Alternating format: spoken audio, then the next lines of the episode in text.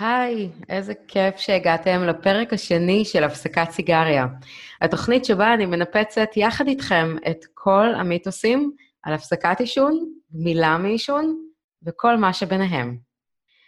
כאן עדי דיין, ואם אתם עדיין לא מכירים אותי, אני מזמינה אתכם לעצור עכשיו ולגשת לפרק הראשון של הפודקאסט, גם כדי לדעת מי אני ובאיזה זכות בכלל אני מלמדת גמילה מעישון, וגם כדי לקבל את אחד הכלים הכי חשובים שיש לי במזוודה עבורכם, שהוא גם חינמי, ייי. ואם כבר הקשבתם לו ועדיין לא נכנסתם לקבוצה שלנו, הפסקת סיגריה בפייסבוק, זה זמן טוב לעשות את זה, גם כדי לשתף ולשאול ולהתייעץ איתי על כל דבר שקשור בעישון, וכמובן גמילה ממנו. אז נתחיל את הפרק של היום? מהמם. היום אני רוצה להסביר על אחד השלבים הכי חשובים, ואולי אפילו הקריטיים, שפשוט חייבים לקרות כשאנחנו רוצים לייצר שינוי בחיים, ואני ממש לא מתכוונת רק לגמילה מעישון, אלא על כל שינוי שרק עולה על דעתכם. אם זה לגבי התחלה של פעולה מסוימת שאתם רוצים להכניס ליום-יום שלכם, כמו ספורט, או שינוי תזונתי, או אפילו שינוי התנהגותי שקשור בהורות שלכם, בזוגיות שלכם, או בכל מערכת יחסים שאתם מנהלים במהלך החיים, אפילו אם זה קשור בהחלטה על מעבר דירה, או עבודה אחרת, בקיצור, כל דבר. אבל במיוחד, גמילה מעישון, שהוא הצעד האמיץ והמשמעותי ביותר שאדם מעשן יעשה בחייו. ולשלב הזה אני קוראת שלב המחקר. והמחקר הזה מסתכם במילת שאלה אחת ברורה וחדה. למה? למה לי לעשות את המאמץ הזה? כדי שהשינוי שאני רוצה באמת יקרה. למה לי להרים את הישבן ולייצר תנועה חדשה בחיים שלי, שלא תהיה לי נעימה בהכרח, כי בואו, גמילה מעישון זה לא כזה פיקניק.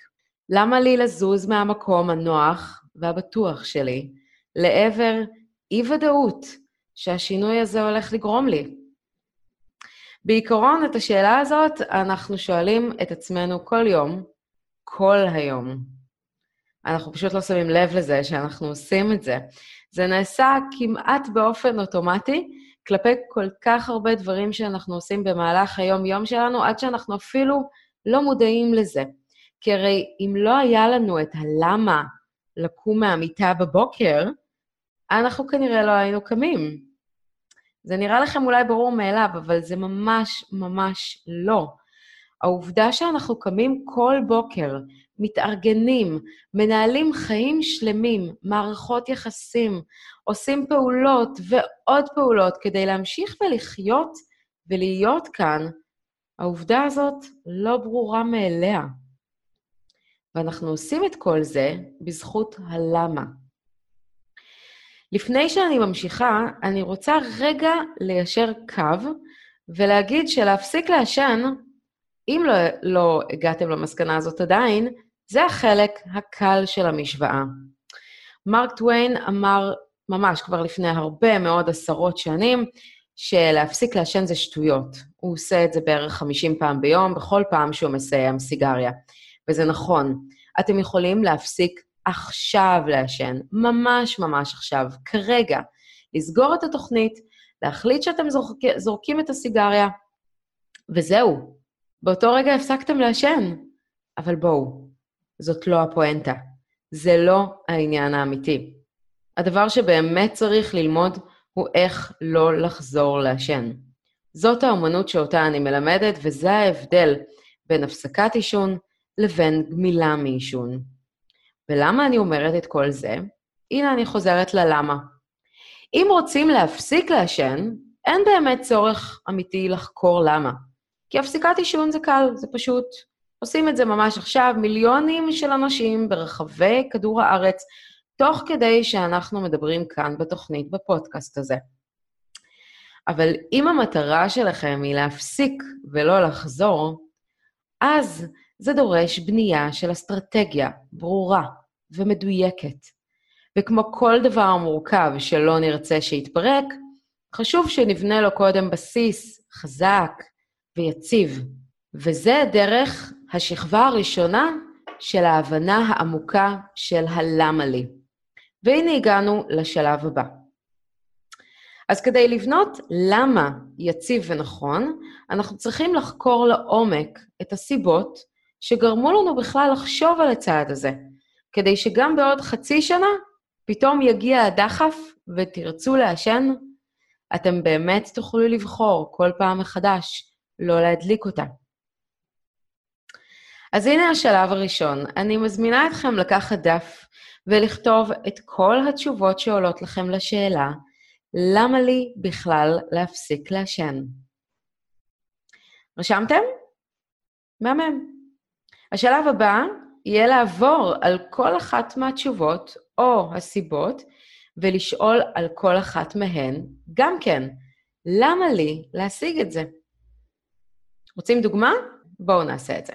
למשל, אני רוצה להפסיק לעשן כי נמאס לי לשרוף זמן על הסיגריה. והשאלה תהיה, למה אני רוצה שיהיה לי יותר זמן? מוזר והזוי? כן, ממש לא הגיוני לשאול את עצמנו כזאת שאלה, כי על פניו זה די ברור, אבל בעצם לא. בואו תזרמו איתי. אז התשובה ללמה אני רוצה יותר זמן, תהיה אולי שאני רוצה ליצור יותר יעילות בחיים שלי. ואז אני אשאל שוב, ולמה זה חשוב לי או לך? מה תוכלי לעשות אחרת אם תהיי יותר יעילה? כלומר, כשיהיה לך יותר זמן, מה הולך להשתנות בשטח? והתשובה יכולה להיות שבזכות העובדה שאני אהיה יעילה יותר, יישאר לי זמן להקדיש לילדים שלי. ועכשיו מגיע החלק ההזוי ביותר, שימו לב, שבו אני אשאל, למה לי להקדיש יותר זמן לילדים שלי? והתשובה שיכולה להגיע מתוככן היא, כי אני רוצה להיות אימא טובה יותר בסטנדרטים שהצבתי לעצמי. ואם ההקשבה שלכם מחודדת מספיק, אני מאמינה שתסכימו איתי, חברים, שזאת סיבה עמוקה, יציבה, וכזאת שאין הרבה מקום לפרשנות מולה. וזאת האסטרטגיה שדרכה נוכל לבנות עמוד שדרה רגשי שעליו יתבסס התהליך הזה. רוצים עוד דוגמה? יאללה, בואו ניקח עוד אחת. אה, וזאת תהיה דוגמה שאני תמיד תמיד נותנת כשאני מדברת בדיוק על הנושא הזה של הלמה, על אה, אותו איש מבוגר, אה, פלוס מינוס 70 בגיל, שהיה באחד השנים הראשונות שבהם הנחיתי, ואותו אדם, כששאלתי אותו למה הוא רוצה להפסיק לעשן, הוא ענה לי בצורה מאוד מאוד חביבה ופשוטה, אני פשוט רוצה להיות יותר בריא. תשובה על פניו מאוד מאוד סבירה, לגיטימית, רגילה לחלוטין, נשמעת בסביבות ה-98% מהפעמים שאני אה, שואלת את השאלה הזאת. וכששאלתי אותו, אוקיי, אז למה אתה רוצה להיות בריא יותר? והוא שאל, והוא הסתכל עליי ואמר, מה זאת אומרת? אני רוצה להיות יותר בריא, זה ברור מאליו, אני לא מבין את השאלה הזאת. וכששאלתי אותו, בבקשה, אני מבינה, למרות כמה שזה מוזר, השאלה, בוא תענה לי בכל זאת, למה אתה רוצה להיות יותר בריא? ואחרי שתי דקות של מחשבה, הוא uh, אמר, אוקיי, אני מבין, בסדר גמור, אני רוצה להיות בריא יותר כדי שיכאבו לי פחות הברכיים. על פניו, שוב, תשובה שנשמעת מאוד מאוד הגיונית, יחד עם זאת, עדיין אה, התקרצצתי עליו ושאלתי שוב, אוקיי, אז למה אתה רוצה שיכבו לך פחות הברכיים? והוא פתח זוג עיניים, הסתכל עליי ואמר, אני באמת לא מבין אותך. אני אומר לך שאני רוצה שיהיה לי פחות כואב, ואת שואלת אותי למה? ואחרי ששוב פעם, קצת קצת חפרתי, וביקשתי ממנו לבדוק את זה לעומק, אז הגיעה התשובה שאותי באופן אישי, כל פעם כשאני מספרת את הסיפור, מרגשת אותי מחדש, כי מה שהוא ענה לי שם, זה שהוא רוצה שיכבו לו פחות הברכיים, כדי שהוא יוכל לשחק יותר זמן עם הנכד שלו כדורגל. משחק שמבחינתו מחבר אותם הוא אה, תמצית של מערכת היחסים שלהם, וזאת סיבה מאוד מאוד מאוד עמוקה, הרבה יותר עמוקה, מאשר סתם להגיד, בא לי להיות יותר בריא. לא כי זה לא חשוב, אלא כי זה לא מספיק יציב.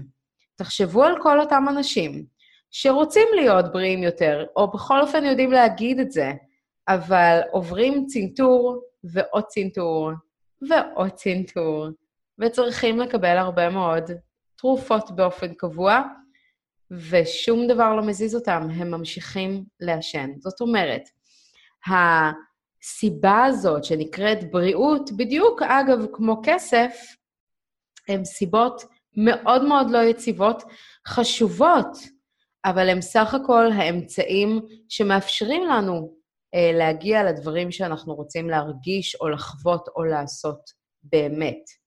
העומקים האמיתיים שלנו בתור בני אדם. ולכן, ביציבות הם לא נותנים לנו שם שום פרמטר, ואנחנו צריכים לחקור לעומק דרך השאלה הזאת של למה, אה, מה עומד מאחוריהן. כמו תמיד, אני מזמינה אתכם לגשת, לעשות ולנסות את זה, ולבוא לספר לי איך זה היה ומה התוצאות בקבוצה שלנו, הפסקת סיגריה. שם גם אפשר לשאול את כל השאלות שעלו לכם תוך כדי הפרק, וכמובן בכלל.